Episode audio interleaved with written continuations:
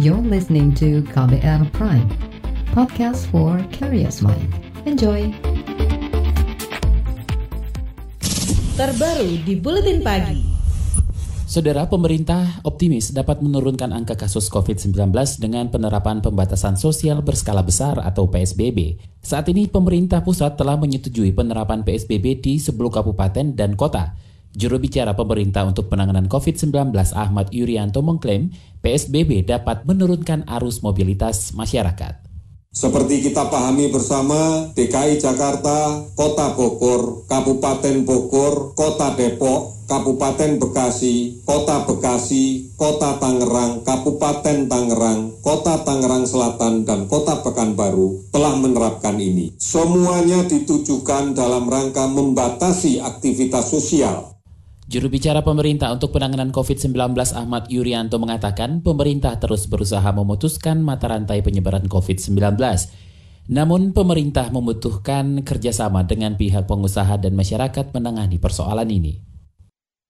Wabah COVID-19 di Indonesia belum menunjukkan tanda-tanda menurun. Hingga sore kemarin, jumlah orang yang positif COVID-19 bertambah menjadi lebih dari 5.130 orang. Jumlah orang dalam pemantauan sebanyak 165 ribu lebih dan jumlah pasien dalam pengawasan atau PDP menjadi lebih dari 11 ribu orang. Wabah COVID-19 kini terdapat di 196 kabupaten kota di Indonesia. Juru bicara pemerintah untuk penanganan COVID-19 Ahmad Yuryanto menyebut hingga kini kasus terbanyak ada di Jakarta, Jawa Barat, Jawa Timur, Jawa Tengah, Banten, Sulawesi Selatan, Bali, Sumatera Selatan, dan Papua. Sementara kasus kematian tertinggi ada di Jakarta, Jawa Barat, Jawa Timur, Jawa Tengah, Banten, dan Sulawesi Selatan. Masih terkait wabah virus corona, Kementerian Riset dan Teknologi bersama sejumlah lembaga lain menargetkan bisa memproduksi 100 ribu rapid test atau alat tes cepat COVID-19 dalam waktu satu setengah bulan ke depan. Menteri Riset dan Teknologi Bambang Brojonegoro mengatakan ratusan ribu rapid test itu akan disebar ke seluruh Indonesia – Selain rapid test, pemerintah juga akan memproduksi alat tes dengan metode PCR. Untuk rapid test, kami sudah laporkan kepada Bapak Presiden satu setengah bulan dari sekarang atau enam minggu dari sekarang. Rencananya sudah ada 100 ribu produksi, 100 ribu unit rapid test yang merupakan hasil dan kerjasama dari BPPT, UGM, yang kemudian diproduksi oleh PT Hematika di Yogyakarta. Dan rencananya nanti tentunya akan diproduksi lagi dalam jumlah yang lebih besar lagi untuk kebutuhan rapid test dalam rangka penanganan COVID-19. Menteri Riset dan Teknologi Bambang Brojonegoro mengatakan alat tes PCR akan diproduksi Badan Pengkajian dan Penerapan Teknologi atau BPPT bekerja sama dengan perusahaan startup Nusantik dan PT Bio Farma. Kementerian Perindustrian berencana memproduksi alat pelindung diri atau APD untuk tenaga medis yang bertugas menangani kasus COVID-19. APD itu akan berstandar internasional.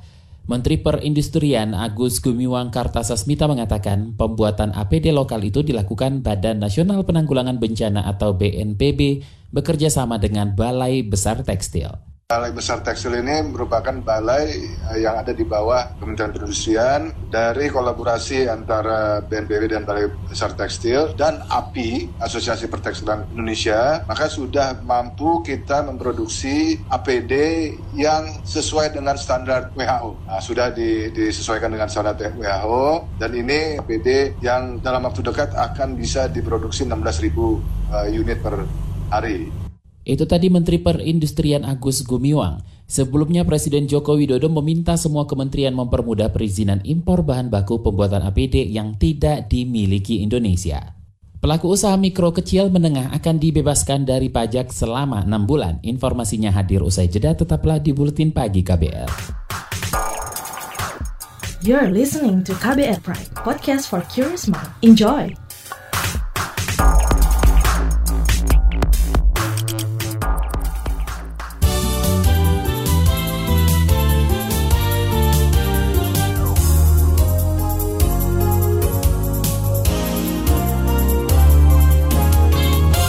Anda sedang mendengarkan Buletin Pagi KBR, siaran KBR mengudara melalui lebih dari 500 radio jaringan di Nusantara. Saudara, Kementerian Koperasi dan Usaha Kecil dan Menengah akan membebaskan pajak para pelaku usaha mikro, kecil, dan menengah atau UMKM selama 6 bulan. Menurut Menteri Koperasi dan UKM Teten Masduki, pembebasan pajak itu merupakan langkah stimulus ekonomi di tengah pandemi COVID-19. Selain membebaskan pajak, pelaku UMKM juga mendapat relaksasi kredit. Akan uh, memberikan lebih uh, relaksasi bulan dan bunganya ya, selama enam bulan kredit UMKM baik melalui KUR maupun juga lewat BLU pemerintah. Menteri UMKM Teten Masduki menambahkan para pelaku usaha kecil menengah juga akan dimudahkan mendapat pinjaman baru bagi yang mengalami kesulitan pembiayaan. Selain itu, pelaku usaha dengan kategori ultra mikro juga akan mendapatkan bantuan langsung tunai yang disalurkan pemerintah.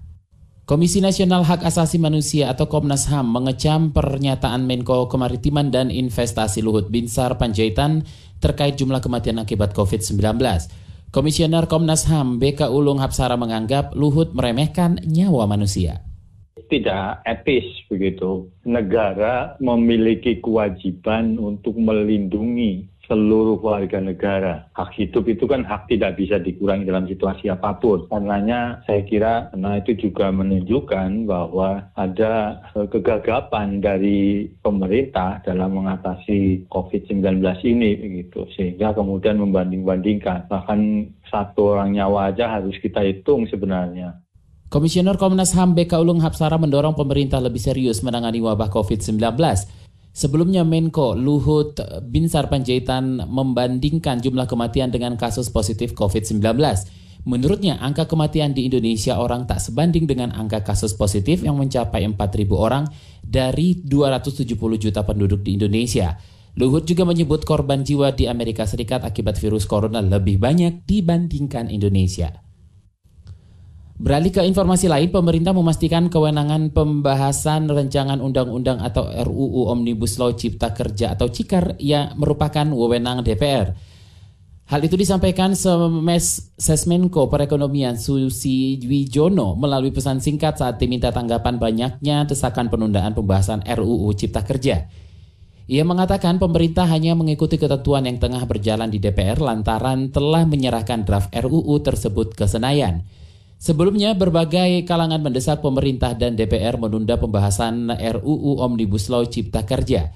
Mereka menilai pembahasan RUU itu kontradiktif dengan konsentrasi semua pihak saat ini yang sedang menangani bencana nasional COVID-19. Saudara Badan Urusan Logistik atau Bulog memastikan stok beras dalam negeri aman untuk kebutuhan masyarakat saat Ramadan hingga Idul Fitri. Direktur Operasional dan Pelaksanaan Publik Bulog Tri Wahyudi Saleh mengatakan saat ini Bulog memiliki stok beras lebih dari 1 juta ton. Kemudian saat ini kami sedang menyerap gabah dan beras dari petani karena sedang masuk masa panen. Jadi kami punya keyakinan stoknya cukup, kemudian ada penambahan dari hasil panen baru. Direktur Operasional dan Pelayanan Publik Bulog Tri Wahyudi Saleh menambahkan sejumlah daerah sentra produksi beras saat ini mulai memasuki musim panen. Badan Pusat Statistik atau BPS mencatat nilai impor barang Indonesia selama Maret meningkat 15% persen lebih dibanding bulan sebelumnya. Kepala BPS Suharyanto mengatakan impor pada Maret lalu total mencapai 13,3 miliar dolar Amerika atau sekitar 209 triliun rupiah. Sedangkan impor barang konsumsi mengalami peningkatan yang tinggi pada bulan Maret yaitu 43,80 persen dibandingkan Februari 2020 senjata dan amunisi serta bagiannya ini memang import yang secara rutin kita lakukan uh, uh, setiap tahun untuk uh, pertahanan dan keamanan negara. Dan impor buah-buahan berupa tir dari Tiongkok juga mengalami peningkatan. Kemudian impor bawang putih yang memang sudah disepakati itu juga meningkat 18,8 juta itu berasal dari Australia. Kepala BPS Suharyanto menjelaskan kenaikan impor terjadi karena impor migas naik mencapai 11,74 miliar dolar Amerika atau 124 triliun rupiah. Sementara impor non migas turun ke angka 1,61 miliar dolar Amerika atau 25 triliun rupiah. Kita ke mancanegara, saudara pemerintah Tiongkok menyetujui uji coba tiga vaksin virus corona tahap awal ke manusia. Mengutip kantor berita Xinhua, dua va vaksin percobaan dikembangkan Sinovac Biotech, sebuah perusahaan bermarkas di Beijing. Penelitian itu bekerja sama dengan Institut Biologi di Wuhan milik pemerintah. Sementara satu vaksin dikembangkan lembaga penelitian medis milik militer Tiongkok yang bekerja sama dengan perusahaan bioteknologi CanSino. Vaksin ini sudah disetujui diuji klinis ke manusia pada Maret lalu. Selain Tiongkok, perusahaan obat Amerika Serikat Moderna juga mengklaim telah memulai uji coba vaksin COVID-19 ke manusia. Beralih ke berita olahraga, Komisi 10 DPR mengklaim telah bersepakat dengan Kementerian Pemuda dan Olahraga Kemenpora untuk menunda penyelenggaraan Pekan Olahraga Nasional atau PON 2020 di Papua. PON di Papua dijadwal, dijadwalkan pada 20 Oktober hingga 2 November 2020 mendatang. Ketua Komisi 10 DPR RI Saiful Huda mengatakan salah satu faktor yang menjadi alasan penundaan PON 2020 adalah sebelum ada tanda-tanda pandemi virus corona akan berakhir. Wabah COVID-19 ini dikhawatirkan akan mengganggu persiapan penyelenggara PON 2020. Laporan khas KBR tentang dilema pembebasan napi di era COVID-19 akan hadir usai jeda tetaplah di Buletin Pagi KBR. You're listening to KBR Pride, podcast for curious mind. Enjoy!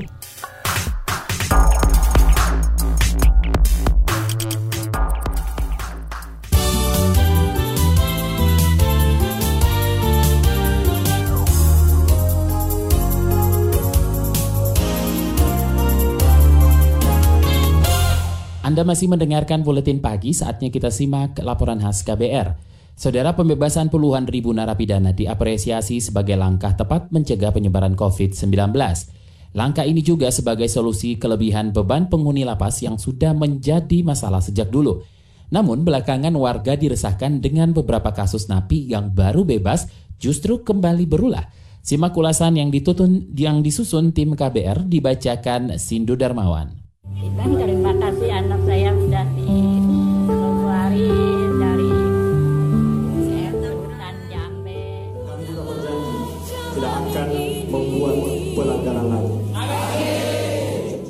Cuplikan ini diambil dari unggahan Dijen Pemasyarakatan Kementerian Hukum dan HAM terkait pembebasan napi untuk mencegah penyebaran COVID-19 di penjara. Para napi disambut keluarga dengan peluk haru tanda bahagia. Napi-napi itu juga menyampaikan janji tidak akan melanggar hukum dan patuh usai keluar dari bui. Namun belakangan ini muncul keresahan warga karena mendapati ada napi yang baru bebas ternyata kembali berulah. Salah satunya terjadi di Arjosari, Kota Malang, Jawa Timur. Beberapa hari lalu, warga setempat dikejutkan dengan ulah residivis bernama Faizal. Pria berusia 43 tahun ini hendak mencuri sepeda motor dan sempat dipukuli masa. Ia tertangkap setelah seorang warga Ahmad Lutfi Setiawan mengecek gerak-gerik bekas tahanan lapas Madiun itu lewat kamera pengawas. Terus sama warga dan teman-teman dicari ternyata ada orang. Terus diajak ke sini lihat CCTV di sini. Ternyata topi sama jaket sama isinya orang itu.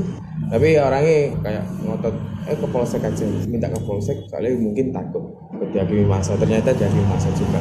Jumlah penjahat kambuhan memang terbilang kecil, hanya belasan napi dari total 35 ribu lebih yang dibebaskan terkait COVID. Meski begitu, pemberitaan tentang residivis cukup membuat warga was-was. Kondisi ini direspons Kementerian Hukum dan HAM dengan memastikan menghukum berat ex-napi yang kembali berulah. Namun ada hal lain yang harus diwaspadai, yakni munculnya stigma dan diskriminasi terhadap bekas napi. Pelaksana tugas Dirjen Pemasyarakatan Nugroho. Kami juga sedang pusing. Yang pusing Pak Menteri terutama kan begitu. Ini gimana? Apa nih kira-kira resep yang bagus untuk memberi penjelasan pada mereka? Dari kurang lebih 36 ribu lebih yang dikeluarkan, yang melakukan kejahatan 12, seolah-olah penjahat itu adalah yang kemarin dikeluarkan. Potensi stigma dan diskriminasi terhadap ex-napi ini juga mendapat perhatian Komisioner Ombudsman Nini Rahayu. Ia meminta pemerintah tidak lepas tangan, tetapi justru memperkuat pemahaman masyarakat agar bisa menerima para napi. Apalagi jika ada pembebasan napi gelombang berikutnya. Karena kalau tidak, itu akan ada penolakan dari masyarakat yang luar biasa dan itu bumerang bagi keamanan dalam konteks yang lebih besar. Bahwa harus diakui ada upaya pengalihan tanggung jawab pembinaan warga binaan yang semula di lembaga pemasyarakatan karena alasan dari pandemi COVID ini kemudian beralih ke masyarakat. Maka masyarakat harus diberi bekal supaya satu tidak ada penolakan dari mereka. Direktur Lembaga Bantuan Hukum LBH Masyarakat Riki Gunawan mengatakan, pemerintah semestinya sigap mengantisipasi kepanikan warga, merespon pembebasan napi dalam jumlah besar. Ditjen Lapas harus memperketat pengawasan para napi selama menjalani sisa hukuman di luar penjara. Hal ini untuk menekan potensi residivis. Artinya sebenarnya kan uh, satu soal mekanisme pemantauan bisa online, bisa fisik, bisa random, koordinasi dengan RT RW setempat, dengan keluarga setempat juga, lingkungan setempat itu kan juga penting. Menurut Riki, masyarakat juga perlu diberi jaminan rasa aman selama masa pandemi. Ia mendorong kepolisian untuk fokus menekan angka kriminalitas ketimbang hanya mengawasi praktik pembatasan sosial. Menurut saya polisi mungkin daripada terlalu terkonsentrasi untuk menegakkan PSBB, lebih baik juga fokus ke sana. Misalnya dia lebih rutin patroli gitu. Kan ini jalanan udah sepi nih. Dia bisa patroli ke daerah yang rawan kejahatan, random aja patrolinya gitu. Nah, memberikan kepastian rasa aman itu kuat. Riki mendukung pemerintah melanjutkan pembebasan napi guna mencegah penyebaran COVID. Pasca pembebasan kemarin, jumlah penghuni lapas masih 200 ribu lebih atau dua kali lipat kapasitas yang tersedia. Namun, ia mengingatkan pembebasan napi harus melalui proses seleksi ketat ada satu aja yang positif, yang lain itu ledakannya akan akan gila-gilaan di dalam lapas. Jadi saya juga setuju uh, pembebasan ini. Tapi memang screeningnya harus ketat, diprioritaskan misalnya kepada mereka yang kejahatan non-violent tanpa kekerasan, tidak punya riwayat kejahatan brutal gitu, uh, yang sakit-sakitan. Misalnya ada perempuan hamil yang punya kerentanan lah kalau di era COVID ini. Nah mungkin prioritasnya ke sana dulu. Demikian laporan yang disusun tim KBR. Saya Sindu Darmawan. Informasi dari daerah akan kami sajikan usai jeda, tetaplah di Buletin Pagi KBR.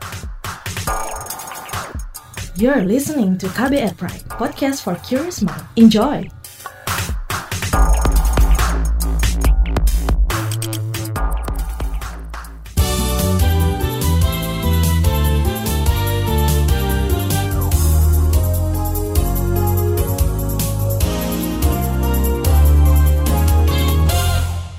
Inilah bagian akhir buletin pagi KBR. Saudara politisi Partai Gerindra Ahmad Riza Patria resmi menjadi wakil gubernur DKI Jakarta. Riza dilantik Presiden Joko Widodo di Istana Negara Rabu kemarin. Demi Allah saya bersumpah. Demi Allah saya bersumpah akan memenuhi kewajiban saya, akan memenuhi kewajiban saya sebagai wakil gubernur, sebagai wakil gubernur dengan sebaik-baiknya dan seadil-adilnya, dengan sebaik-baiknya dan seadil-adilnya, memegang teguh Undang-Undang Dasar Negara Republik Indonesia, memegang teguh Undang-Undang Dasar Negara Republik Indonesia. Tahun 1945, tahun 1945, Ahmad Riza Patria akan menggantikan Sandiaga Uno yang mundur pada Agustus 2018. Ia terpilih usai mengalahkan pesaingnya dari PKS Nurmansyah Lubis dalam pemilihan di DPRD DKI awal April lalu. Anggota Komisi Pertahanan DPR asal Papua Yan Permenas Mandenas meminta Panglima TNI Hadi Cahyanto turun tangan menyelesaikan pelanggaran yang dilakukan aparat TNI saat konflik di Papua.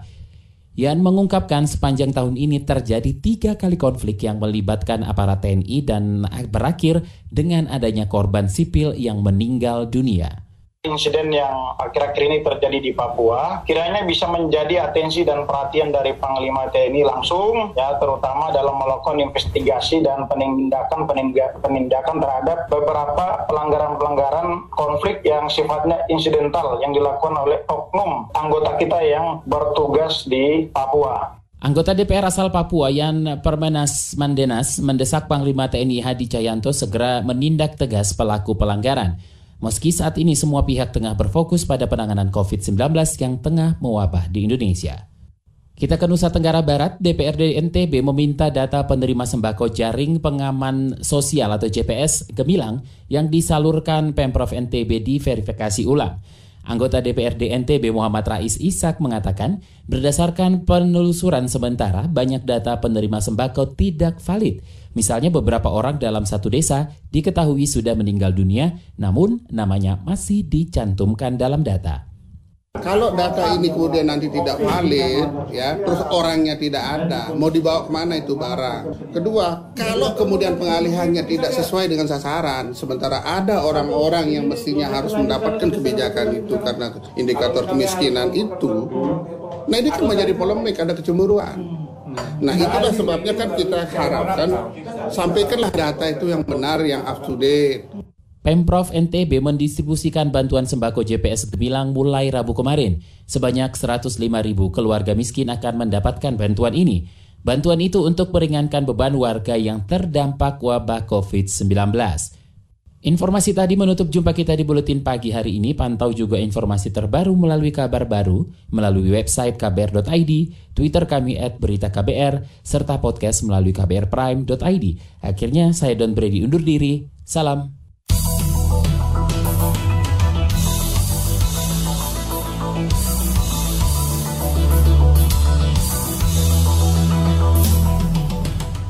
KBR Prime, cara asik mendengar berita. KBR Prime, podcast for curious mind.